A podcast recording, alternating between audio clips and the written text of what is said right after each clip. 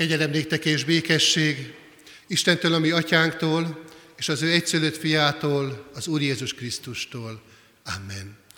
Kedves gyülekezet, kedves testvérek, keresztelőre készülve a 329. dicséret második versét énekeljük, így készüljünk a sákramentum kiszolgáltatására, helyünket elfoglalva énekeljük a 329. dicséret második versét.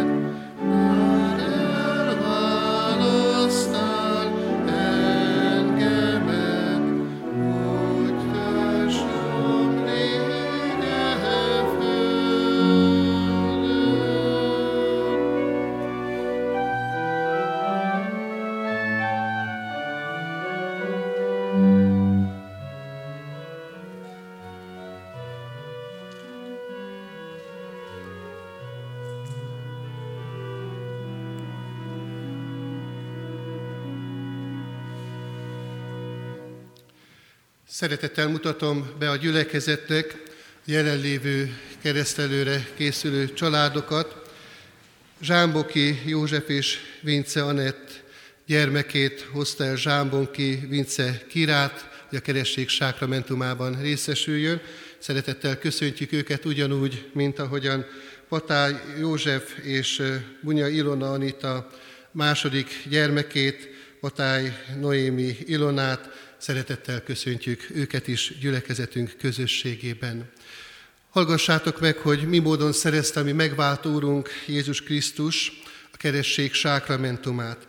Ennek leírását Máté Evangélium a 28. fejezetében olvashatjuk, mielőtt Jézus Krisztus átment mennyei dicsőségbe, ezekkel a szavakkal hatalmazta föl a tanítványait a keresség sákramentumának kiszolgáltatására. Nékem adatot minden hatalom menjen és földön.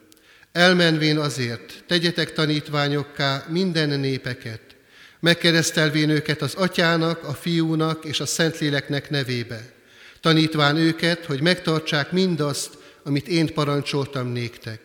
És íme, én veletek vagyok minden napon a világ végezetéig.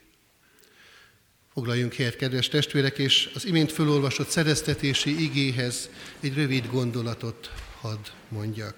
Úgy fejezte be Jézus ezt a felhatalmazást, ezt a missziói parancsot azzal az ígérettel, hogy íme én veletek leszek minden napon a világ végezetéig. Az Isten jelenléte alapvető kérdése a mi emberi földi életünknek. Karácsonyhoz közeledve ez a kérdés különösen is hangsúlyossá válik. Szent karácsonykor nem más történt, mint Isten közénk érkezett, velünk lakozott. Immanuel, velünk az Isten. Így teljesedettek be az ószövetségi proféciák. Jézus Krisztus akkor, amikor a keresség sákramentumát szerezte, akkor ezzel a gondolattal szárta ezeket a mondatokat. Veletek leszek minden napon a világ végezetéig. Kedves szülők, keresztszülők, kedves gyülekezet, ez az alapvető kérdése a mi emberi életünknek. Ott van-e az életünkben Isten, az ő jelenléte tapasztalható valósága számunkra. Sok mindent kívánhatunk és kívánunk is a most megkeresztelendő gyermekek életére nézve. Legyenek egészségesek, legyenek okosak, értelmesek, legyenek sikeresek. De a legfontosabb kérdés az, hogy az Isten ott lesz-e az életükben, jelen lesz-e az életükben. Az Isten részéről, ami szerető mennyei atyánk oldaláról nézve ez a kérdés már választ kapott. Ő közöttünk akar lakozni. Velünk együtt akarja mi életünk útját végigjárni. Szeretne ott lenni a mi életünkben. A keresség sákramentuma Istennek ezt a szándékát is kifejezi. Ő azért jött közénk, azért lett emberré, hogy mi egész emberi életünk alatt az ő jelenlétét, jelenlétét megtapasztalhassuk. Adja Isten, hogy amikor majd ezek a gyermekek növekednek, akkor ezt a jelenlétet tapasztalhassák meg, akár a szülők gondoskodó szeretetén keresztül, akár pedig majd egészen személyesen kapcsolatba kerülve az ő teremtő és megváltó urukkal. Ebben a reménységben szolgáltatjuk ki a keresség sákramentumát. Ilyetek, kedves szülők, keresztülők és jelenlévő gyülekezet, valljuk meg a Szent Háromság Istenbe vetett hitünket, együtt elmondva az apostoli hitvallást. Hiszek egy Istenben, mindenható atyában, mennek és földnek teremtőjében, és a Jézus Krisztusban, ő egyszülött fiában, mi Urunkban, ki fogantatott Szentlélektől, született Szűz Máriától, szenvedett Poncius Pilátus alatt, megfeszítették, meghalt és eltemették. Alászállt a poklokra, harmadnapon feltámadt a halottak közül, felment a mennybe, ott ül a mindenható Atyaisten jobbján, onnan jön el ítélni élőket és holtakat. Hiszek Szentlélekben, hiszem az egyetemes Anya Szent Egyházat, hiszem a szentek egyességét, a bűnök bocsánatát, a test feltámadását és az örök életet. Amen. Kedves szülők, kedves keresztszülők, kedves család, hitetek megvallása után Isten és a gyülekezet előtt jelentsétek ki szándékotokat, és tegyetek fogadalmat hogy gyermeketeket a református egyház közösségében, hitben szeretnétek nevelni. Ezért feleljetek a következő kérdésekre, jó lelkiismerettel és hallható szóval. Az első kérdés, amelyet hozzátok intézek, így hangzik. Akarjátok-e, hogy gyermeketek a keresség által az Atya, a Fiú és a Szentlélek Isten szövetségébe a keresztény Anya Szent Egyházba befogadtassék. Ha igen, felejétek, akarjuk. Másodszor ezt kérdezem tőletek, ígéritek-e, fogadjátok-e, hogy gyermeketeket úgy nevelitek és neveltetitek, hogyha majd felnő, a konfirmáció alkalmával ő maga önként tegyen vallást a Szent Háromság Istenbe vetett hitéről a gyülekezet előtt. Ha igen, felejétek, ígérjük és fogadjuk. Hozzád fordulok most, Isten népe, református keresztény gyülekezet, ti is hallható szóval és jó lelkiismerettel feleljetek következő kérdésre. Ígéritek-e, hogy ezeket a gyermekeket szeretetben és imádságban hordozzátok, és a szülőknek, keresztszülőknek minden segítséget megadtok ahhoz, hogy őket hitben nevelhessék? Ha igen, a gyülekezet felelje, ígérjük. ígérjük. Isten áldja meg a mi fogadalom tételünket, és adjon ahhoz szüntelenül erőt és hűséges ragaszkodást ő hozzá, hogy azt maradéktalanul teljesíthessük. Hajtsuk most meg fejünket imádságra. Mindenható mennyei atyánk az Úr Jézus Krisztusban. Hálatelt szívvel állunk meg Te előtted ezen a mai Isten tiszteleten, Egyrészt azért, mert téged magasztalhatunk, mint az élet urát, aki megajándékoztad szülőket, gyermekkel, egy új élettel, azzal az örömmel, amelyet egy új élet születése, megjelenése jelent ezen a világon. Kérünk téged, Urunk, hogy te, aki az életnek vagy a forrása, és aki megőrizted az édesanyákat is, kérünk, hogy áld meg és őrizd meg ezeket a kicsinke életeket, és a körülöttük élőkét is, olyan képen, hogy ne csak ebben a földi életben reménykedhessenek, hanem az örökké valóságnak a reménysége adasség az ő szívükbe. Mert Urunk, Te nem csak teremtőnk és alkotónk vagy, hanem újjáteremtőnk is. És az újjászületésnek a csodáját Te lelked által végzed a mi életünkben. Könyörgünk, Urunk, az itt lévőkért, hogy ebben a csodában részesülhessenek, hogy ne csak életük, hanem örök életük legyen a beléd vetett hit által. Kérünk, hogy hallgass meg a mi könyörgésünket, Te fiadnak, Jézus Krisztusnak nevében. Amen. Noémi, Ilona, keresztelnek téged az atyának, a fiúnak és a Szentlélek Istennek nevében. Kira, keresztelnek téged az atyának, a fiúnak és a Szentlélek Istennek nevében. Kegyelem Istene cselekedje, hogy ezek a gyermekek növekedjenek testben, hitben, szeretetben, Isten és emberek előtt való kedvességben. Amen. Kedves gyülekezet, kedves testvérek, foglaljunk helyet, és készüljünk az Isten tiszteltünk további részére, az ige hirdetés szolgálatára a 312. dicséret éneklésével.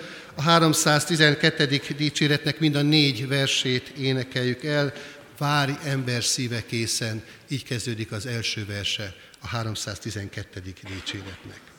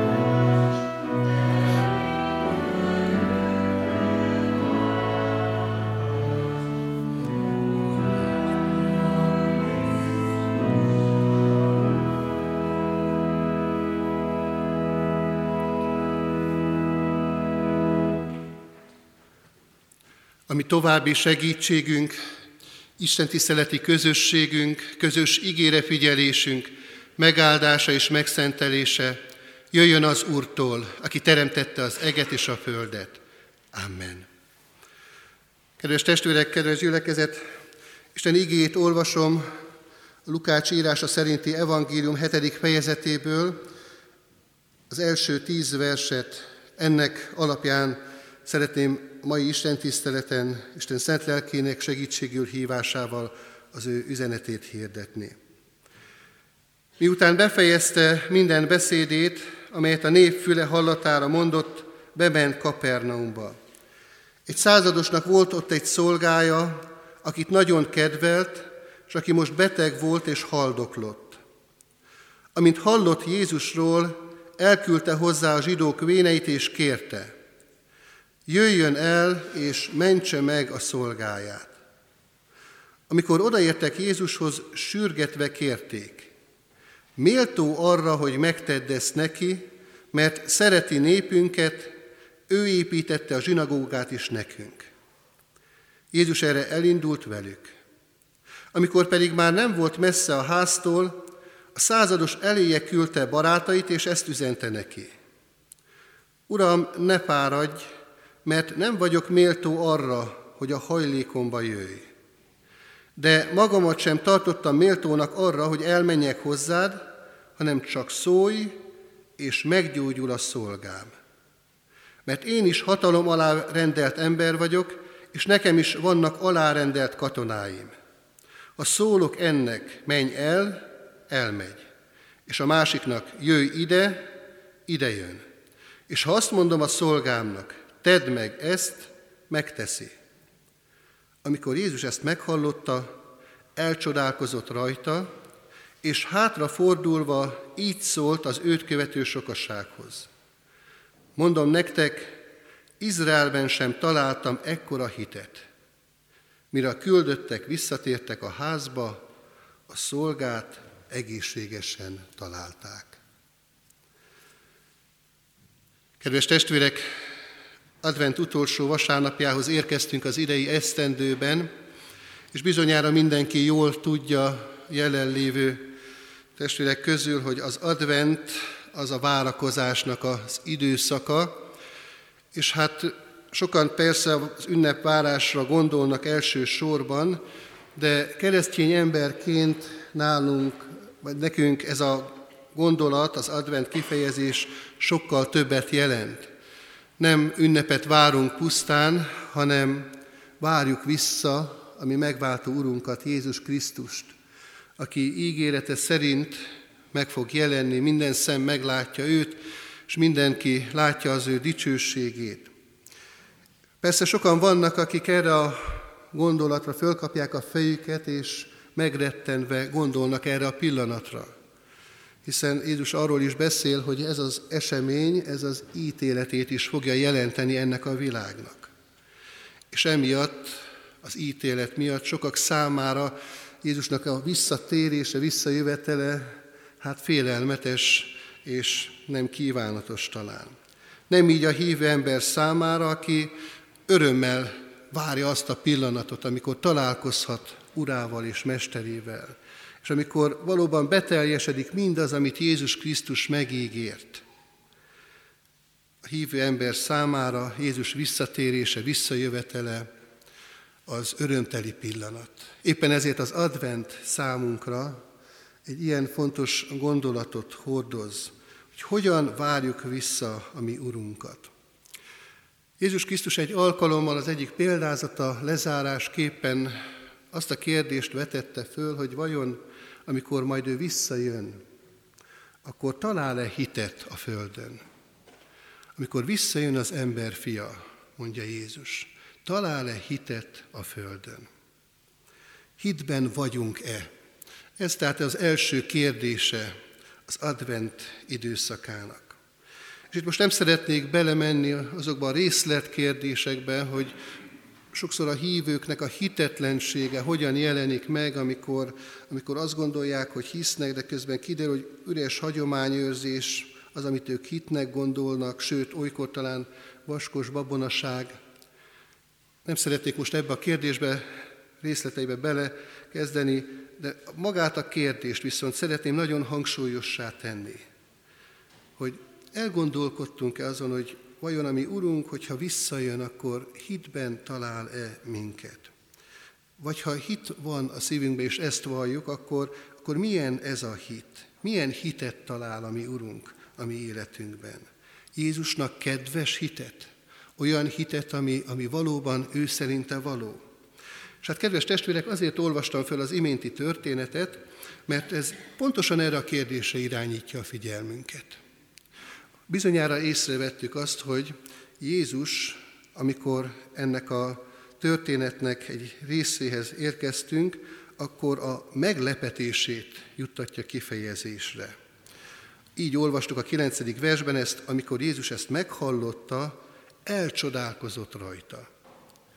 Milyen meglepő, hogy az Isten fia elcsodálkozik bizonyos dolgokon. Például ennek a pogány embernek, ennek a századosnak a hitén csodálkozott el. Éppen ezért érdemes megnéznünk, a közelebbről megvizsgálnunk azt, hogy milyen is ez a hit, amivel ez a százados rendelkezett, és amelyen még Jézus is elcsodálkozott. És amelyre nézve azt mondta, hogy egész Izrael népe körében ilyen hittel nem találkoztam. Ez azért fontos kérdés számunkra, mert az előbbi gondolathoz, hogyha ezt kapcsoljuk, akkor, akkor belátjuk, hogy Jézus Krisztust várva egyáltalán nem mindegy, hogy milyen hit van a mi szívünkben és a mi életünkben. Most hát nézzük meg részleteiben, hogy mit is tanít nekünk ez a történet. A százados magatartását vizsgálva azt vehetjük észre elsőként, hogy ez a hit, mi ezt a századost jellemezte, ez nem egy önző hit volt. Sőt, kimondhatjuk, mert ebben a történetben egyértelműen benne van, másokért könyörgő hittel rendelkezett ez a százados. Hallottuk a fölolvasott történetben, hogy megbetegedett, ennek az igen magasrangú katonatisztnek a szolgája, egészen pontosan a rabszolgája. És ne felejtsük el egy pillanatra sem, hogy ez a történet jó 2000 évvel ezelőtt játszódik, és abban az időszakban még a rabszolgaság az, az nagyon erősen tartotta magát. Egy rabszolga az egy beszélő szerszám volt abban a korban. Nem vették ember számba. Hogyha megbetegedett egy rabszolga, akkor, akkor úgy bántak vele, mint egy elromlott eszközzel. Nem volt hasznos, nem volt érdemes vele foglalkozni. Ezzel ellentétben ebben a történetben azt látjuk, hogy ez a százados, amikor látja, hogy a szolgája, a rabszolgája megbetegedett, sőt halálán van, akkor üzen Jézusnak, akiről már sokat hallott, hogy betegeket gyógyított, sőt már halottat is feltámasztott. És ezzel a hittel és ezzel a reménységgel küldi az üzenetét, hogy jöjjön el és gyógyítsa meg az ő rabszolgáját. Másokért könyörgő hite volt ennek a századosnak. És itt meg kell, hogy álljunk egy pillanatra, kedves testvérek, mert meg kell vizsgálnunk a magunk hitét, hogy vajon a mi hitünk tud-e ennyire másra, másokra odafigyelni. Tudunk-e mások nehézségeire, bajára, fájdalmaira ennyire érzékenyek lenni, mint ez a százados. Biztos ez a százados is kérhetett volna valamit Jézustól a maga számára. De ez eszébe se jutott, hanem a szükségben lévő volt előtte, a nyomorúságban lévő. Törődött ezzel a szolgával, törődött a mellette élővel, a másik emberrel. Karácsonyhoz közeledve ennek a kifejezésnek különösen is súlya van, hiszen azt látjuk a karácsony eseményében, ez a legmarkánsabb üzenet, hogy az Isten törődik az emberrel. Azért jött közénk, azért lett emberré. Azért adta Isten önmagát, hogy kifejezze az ő törődését a beteg, bűnben lévő, nyomorúságban lévő ember iránt.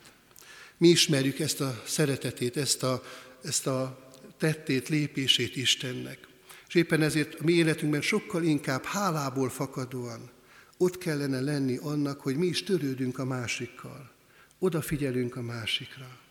Ez a százados még nem gondolhatta mindezt ilyen részletesen át, mint ahogyan előttünk van a Szentírás bizonyságtétele alapján. De mégis ott volt a szívében ez a, ez a végtelenül nagy reménység, hogy az ő beteg szolgáját meggyógyíthatja a názáreti ácsmester fia. És mennyivel inkább gondolhatunk így másokra, Jézus segítségét kérve imádságban. A másik jellemzője ennek a hitnek, amelyel ez a százados rendelkezett, így is jellemezhető, is leírható, hogy reális önismerettel rendelkező hite volt, reális önismerettel rendelkezett. Ez azt jelenti egészen pontosan, hogy a százados tisztában volt azzal, hogy kicsoda ő. Így fogalmazta meg a maga helyzetét Jézushoz viszonyítva, hogy nem vagyok méltó arra, hogy én menjek el hozzád, és közvetlenül kérjem a te segítségedet. Ugye mit tett a százados? Először a zsidó vezetőket kérte arra, hogy menjenek követségbe, és, és jelezzék az ő kérését Jézus felé, hogy egy szolgáját meggyógyítsa. És a zsinagóga vezetői így kezdték az üzenet átadását Jézusnak, hogy méltó rá, hogy megtedd. Más emberek méltónak találták ezt a századost arra, hogy ezzel a kéréssel Jézust megkeresse. De a százados nem tartotta magát méltónak arra, hogy Jézust közvetlenül megszólítsa. És aztán, amikor közeledtek a házhoz, megint csak ez a gondolat, ami, ami úgy kibontakozik előttünk, akkor a barátait küldi el, mert őket méltóbbnak találja ez a százados arra, hogy Jézussal találkozzanak. És rajtuk keresztül is üzen. Sőt, azt mondja nekik, vagy rajtuk keresztül Jézusnak, hogy nem is szükséges, hogy eljöjj, és az otthonomba lépj. Mert neked van hatalmad arra, hogy ott, ahol vagy, ha kimondod, hogy gyógyuljon meg az én szolgám, akkor meg fog történni. És látva Jézus ezt a magatartást, ezt az alázatot, ezt a fajta hozzáállást, dicséri meg ezt a századost a hitéért. Kedves testvérek, adódik a kérdés önkéntelenül is a magunk életére nézve, hogy mi így tudunk-e magunkra tekinteni, amikor, amikor Jézussal összefüggésben vizsgáljuk az életünket. Földi életünk során annyi mindent megteszünk annak érdekében, hogy a másik fölé emelkedjünk, hogy a másikhoz képest mi méltóbbnak tűnjünk. De itt ebben az összefüggésben ez nagyon fontos látni, hogy mi porszemnyi emberkék vagyunk az Isten mellett, az Isten előtt. És ez jut kifejezésre ebben a történetben a százados részéről. Tökéletesen tisztában van azzal, hogy kicsoda ő az Istenhez képest. Adja Isten, hogy valóban mi is ilyen alázattal tudjunk az ünnepben lépni, az Istent magasztalva az ő nagyságáért. És ez a harmadik gondolat, ami ebben a történetben nagyon világosan elénk tárul. Jézus Krisztusnak kedves, Jézus Krisztusnak tetsző hit harmadik sajátossága, hogy felismeri Jézus Krisztusnak a hatalmát. Nem csak azt látja, hogy kicsoda ő, saját maga, hanem azzal is nyilvánvalóan tisztában vagy, hogy kicsoda Jézus Krisztus, kicsoda az Isten egyszülött fia. És hát hallottuk itt a, a elmondását is ennek a, ennek a, ennek a leírását ennek a helyzetnek, azt mondja ez a százados, én is hatalom alá rendelt ember vagyok, és vannak alattam lévő, hatalmilag alattam lévő emberek, és, és ha az egyik szolgámnak azt mondom, hogy tegye meg ezt vagy azt, akkor megteszi, vagy menjen ide, akkor elmegy ide, vagy elmegy oda.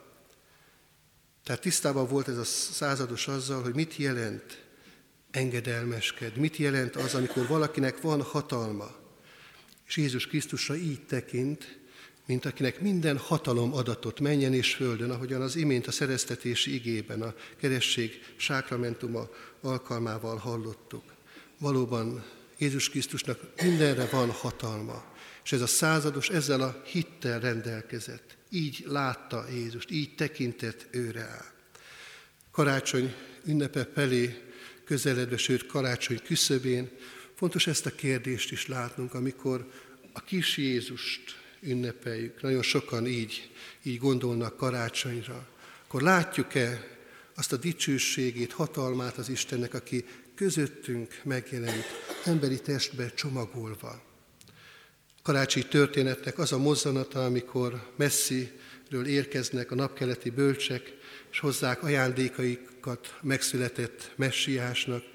Milyen szépen kifejezi ez az, hogy ők látják jászol bölcsőbe fektetett kisdedben az Isten fiát, mert az ajándékaik elárulják, hogy mit gondolnak róla.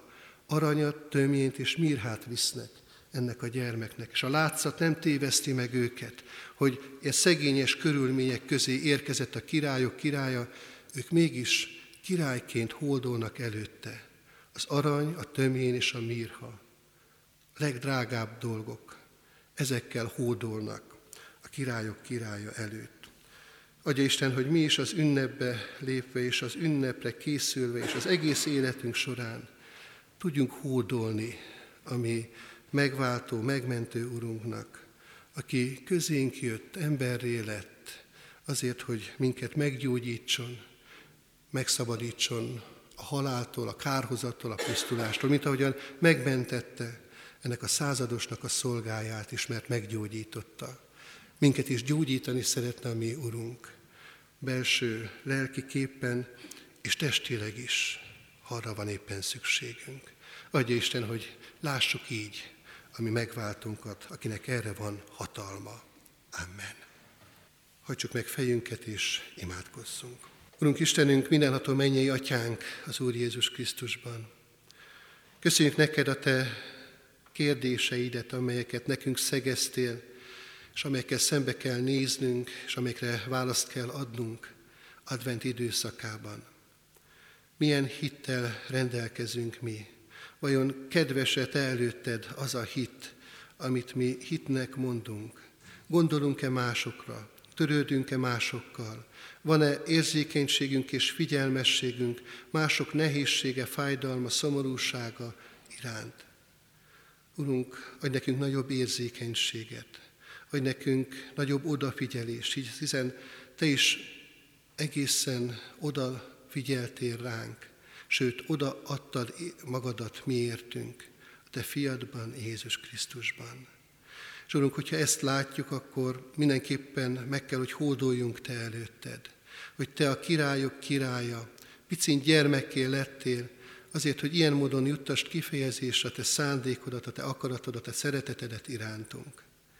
Kérünk, Urunk, hogy miközben a Te hatalmadért magasztalunk, Tudjuk magunkat megalázni Te előtted, és így hódoljunk Te néked, mint a királyok királyának. Így lesz teljessé, Urunk, az ünnepünk, hogyha így tudunk eléd járulni ezzel a hittel. És így várunk vissza téged helyesen, hogyha ezzel az alázattal, és ugyanakkor azzal a boldog fölismeréssel vagyunk veled kapcsolatban, hogy téged várunk, királyok királyát, akinek minden hatalom adatot menjen és földön, és aki helyreállítasz mindent ebben a bűn miatt megromlott világban. Kérünk, Urunk, hogy állíts helyre minket is, ami összetört életünkben, erősíts, vigasztalj, gyámolíts, amire és ahogyan szükségünk van erre éppen most. Amen. Gyertek és együtt közösen mondjuk el fennállva az Úrtól tanult imádságot. Mi, Atyánk, aki a mennyekben vagy, szenteltessék meg a Te neved, jöjjön el a Te országod, legyen meg a Te akaratod, amint a mennyben, úgy a földön is. Minden napi kenyerünket add meg nekünk ma, és bocsásd meg védkeinket, miképpen mi is megbocsátunk az ellenünk védkezőknek. És ne vigy minket kísértésbe, de szabadíts meg a gonosztól, mert Tiéd az ország, a hatalom és a dicsőség mind örökké. Amen. Vegyük Isten áldását, az Istennek békessége, amely minden értelmet felülhalad, őrizze meg szíveteket és gondolataitokat az Úr Jézus Krisztusban. Amen. Foglaljunk helyet, kedves testvérek, és hadd hirdessem szeretettel az ünnepi alkalmakat, amelyek előttünk állnak karácsony ünnepében, mai Napon még délután 5 órai kezdettel tartunk Isten tiszteletet itt a templomban, advent negyedik vasárnapján. Holnapi nap folyamán itt a templomban délután fél négykor kezdődik a gyermekek karácsonyi ünnepi szolgálata. Szeretettel várunk mindenkit erre az alkalomra. Karácsony első és másodnapján megszokott rendszerint tartjuk istentiszteleti alkalmainkat itt a templomban. Ez azt jelenti, hogy 9 órakor, 11 órakor és délután 5 órakor tartunk úrvacsorás istentiszteleteket. Szeretettel hirdetem a testvéreknek, hogy Széchenyi városban a kialakult korábbi rendtől, rendtől eltérően nem tartunk karácsony első és másodnapján sem istentiszteletet, és új év napján sem tudunk istentiszteletet tartani. Akik oda szoktak járni, azokat szeretettel arra kérjük, hogy ide a templomi istentiszteletekre jöjjenek. Az Úr Jézus Krisztus legyen mindannyiunk őriző pásztora, és a mai Isten tiszteletünk zárásaként a 479. dicséretet énekeljük, a 479. dicséretünknek mindegyik versét énekeljük el. Hinni taníts, Uram, kérni taníts, így kezdődik a mai ének.